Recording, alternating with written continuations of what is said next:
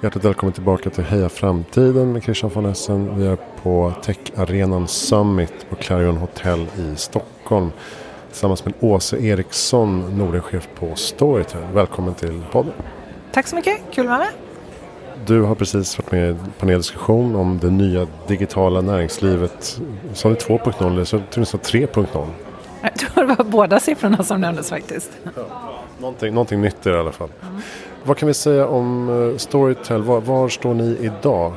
Jag tror att vi står mitt i eh, den fortsatt växande ljudboomen. Vi ser att eh, Norden står sig starkt och har tillväxt. Idag har vi också precis klivit in på den engelskspråkiga delen av ljudboksmarknaden och den engelskspråkiga delen står för 50 procent av all, all ljudbokskonsumtion. Så det känns väldigt, väldigt spännande att kunna hitta även till fler och nya kunder på andra marknader. Precis, det är roligt. Jag nåddes av den nyheten på boktugg.se här för en halvtimme sedan. Att eh, Storytel har förvärvat audiobooks.com. Eh, vad är det för spelare för den som inte vet? En stor spelare på den engelskspråkiga på framförallt den amerikanska marknaden som är ett fantastiskt tillväxtbolag och vi hoppas att vi ska kunna fortsätta den tillväxtresan tillsammans. Då kan man tänka sig att Storytel i Sverige också kommer få fler engelskspråkiga titlar så småningom. Detaljerna tror jag man får komma till senare. Man kan säga om den svenska konsumtionen så är det fortfarande så att 90 procent av konsumtionen eh, sker på, eller 95 nästan faktiskt, på lokalt språk och 90 procent utav det utav lokala författare. Så att de lokala historierna, de svenska författarna och så ser trenden ut i hela Norden. Man vill konsumera av lokala författare, vilket är jätteglädjande eftersom vi har otroligt mycket duktiga författare i hela Norden. Jag vill bara veta om jag kan säga upp Audible-abonnemanget, för det är så dyrt. det vore skönt att samla allt på Storytel. Eh, men ni pratade lite om eh, pandemibeteenden och så här. Du, du sa att uh, lyssnandet i stort har inte gått ner utan det har bara skiftat lite i hur man beter sig. Det har egentligen bara skiftat tidpunkter på dagen. Vi har ju varit ett företag som har haft det väldigt bra under hela pandemin. Och det som är glädjande med det, det är ju faktiskt att vi har kunnat vara ett komplement till de andra skärmarna och att det har hållit i sig. Vi såg att det skiftade från pendlingen på morgonen till att man lyssnade mer på lunchtid, eh, på eftermiddagen kan tänka sig att man tog en liten promenad eller en paus från eh, skärmen man hade framför sig.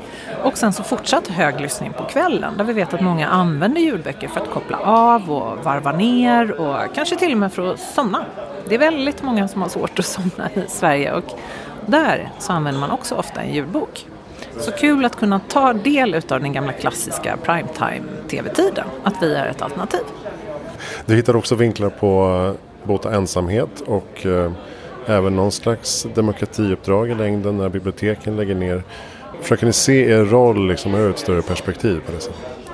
Jo, men det gäller ju hela tiden att vara relevanta i människors vardag. Och just att det vi såg i en undersökning från eh, Handelshögskolan det var att jag tror att flera av oss i har trott att det handlat väldigt mycket om att kunna ha någonting att göra och få händerna fria.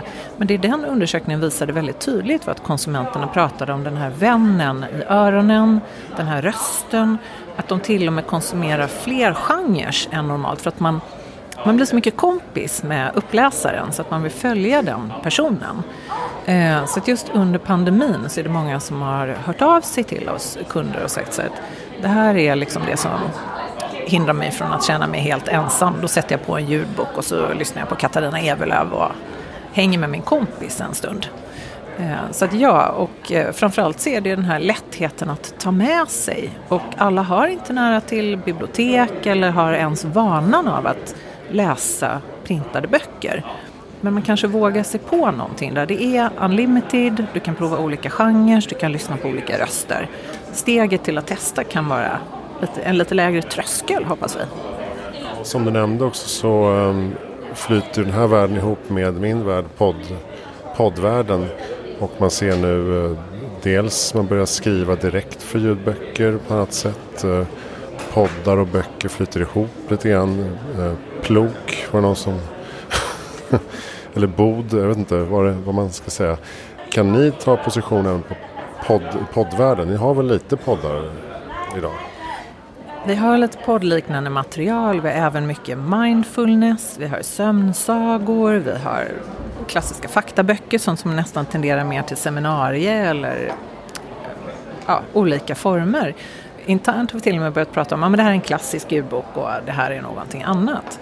Eh, och framförallt för barn så har vi mycket humor, eh, multivoice narration och det ger ju en fördel också att vi har våra originals där vi kan be eh, både kända och up and coming författare att skriva direkt för ljud och då ser det ju lite annorlunda ut.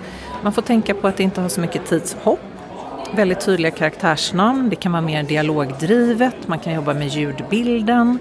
Så det kan vara både med att förhöja en, klassisk bok eller det helt dokumentära, vilket vi har gjort med många av våra true crime-satsningar. Som kallar det podd, kallar det dokumentär eller reality-ljudbok. Det finns nog många epitet för det där faktiskt. Där ligger man ju också nära fiktionen, alltså det som tidigare var radioteater som nu blir liksom dramatisering även i poddar och ljudböcker. Mm. Jag tror att det är en spännande, en spännande väg framåt. Jag tycker att det är jättespännande. Jag tror som sagt att vi bara är i starten av det här och eh, därför är det roligt att se vad olika aktörer gör på marknaden för jag tror att vi kommer att samdra där. Eh, det finns de som kunder som verkligen bara gillar en klassiskt rakt uppläst ljudbok men sen så finns det de, eh, till exempel ett samarbete som vi har gjort med I just wanna be cool. Där man egentligen, vi gör inte ljudböcker av, eller liksom skriver ner på det sättet, utan det är snarare så att vi ser hur kan vi ta deras värld som de har skapat och föra in den i ett ljudsammanhang. Kalla det bok, kalla det radioteater 2.0 vad man vill, humorsketcher. Men de var själva lite tveksamma först till om det verkligen skulle gå. Så nej, men vi, vi jobbar ju inte med det skrivna. Så Men sen så började de med klassiska barnsagor och gjorde om dem till helt sina egna. Och sen så har de fått så blodad tand så att de kommer till och med ge ut riktiga printböcker tillsammans med Rabena Sjögren. Så att det var roligt att se att det går att få det att flyta andra vägen också. Från Youtube in till ljudböcker. Och, och sen print i slutändan istället. Ja, mina barn har plöjt dem där, de är väldigt eh, skrikiga. men de tycker de är roliga. Sen är den stora frågan, det, det, roliga är ju när man, när man får ett sån, en sån mediekonsumtion som eh, är privat och dold. Hur stort är egentligen romance, erotik och de här genrerna? Skulle säga, för det första det är ganska stor skillnad mellan de här också. Men våra största genrer är ju eh, crime, alltså spänning i alla olika deckare i olika format. Och efter det så kommer romance, feel good, eh, som också har ökat lite nu under pandemin. Man kanske behöver drömma sig bort till någonting lite härligare. Erotiken ligger ganska stadigt. Eh, en bit ner på listan faktiskt. Men det är klart att det är ingen som vet vad du lyssnar på i tunnelbanan eller på promenaden. Så det är möjligheter. Men nej, just erotiken är inte lika stor som kategori som traditionell romance och feelgood. Mm. Ja, det är där man ska satsa. Romance och feelgood. Um, jag tänkte på... Jo, det är roligt när du nämner um, uppläsare. För att folk blir så otroligt fästa vid, vid ljudboksuppläsare. Man ser det i uh, Facebookgruppen som ni har som heter Snacka om ljudböcker. Där folk kan rasa över en dålig uppläsare och kräva att ni ska byta ut den. Och folk påpekar då att Storytel kanske inte alltid bestämmer och ska läsa upp. Det är förlaget som gör det. Och författaren bestämmer kanske inte heller riktigt. Men, men ser att det finns en sån, eh, kan man följa liksom olika uppläsare? Ja, absolut det blir verkligen den här vännen i öronen. Och man tycker också om olika stilar. Vissa uppläsare dramatiserar mer, vissa läser mer rakt och sådär. Vissa skriver också att de alltid måste dra upp på två gånger hastigheten, man gillar olika tempo. Men du har helt rätt i det, att det är ju faktiskt förlagen och till viss mån författarna som bestämmer över sina inläsare det folk kan bli mest upprörda över det är ifall man kanske någon gång inte har tillgång till samma uppläsare. Man faktiskt får byta mitt i en serie. Då kan det rasa ganska ordentligt på de olika sociala mediekanalerna. Eh, det är ju kanske någonting man försöker undvika. Men det sker ändå ibland. Men det, alltså jag älskar det här engagemanget från alla lyssnarna. Att de tar sig tiden att tycka och tänka och berömma gör de jättemycket också. Fantastiskt. Hur ser uh, framtiden ut nu för uh, Storytel? Vad har ni för uh, planer framöver? Och det finns alltid massor av planer. Men, nej, men eh, planer är att fortsätta våra personaliseringar såklart. Att kunna erbjuda just dig det du vill ha, att fortsätta vara relevanta. Eh, som sagt att utveckla formaten. Dels med våra egna originals men också genren i stort. Audiotainment är ett ord som vi använder ofta. Hur kan vi utöka den klassiska ljudboken och röra oss mer in i ett, eh, berättande univers i ljud. Ja, det var bra avslutande ord. Eh, tack snälla Åsa Eriksson på Storytel. Tack själv. Jag har ju en bok som heter Vad händer nu med framtiden som skrevs under, under pandemin och som finns på Storytel att lyssna till. Min härliga stämma. Och eh, i januari så kommer också då nya boken Nu fattar jag tillsammans med Henrik Smolak och då läser vi in den båda två. Tänker jag mig nu i december. Så att eh, kolla in dem. Eh, jag heter Christian von Essen, eh, sänder från Techarenan på Clarion i Stockholm Heja Framtiden. Tack för att du lyssnade.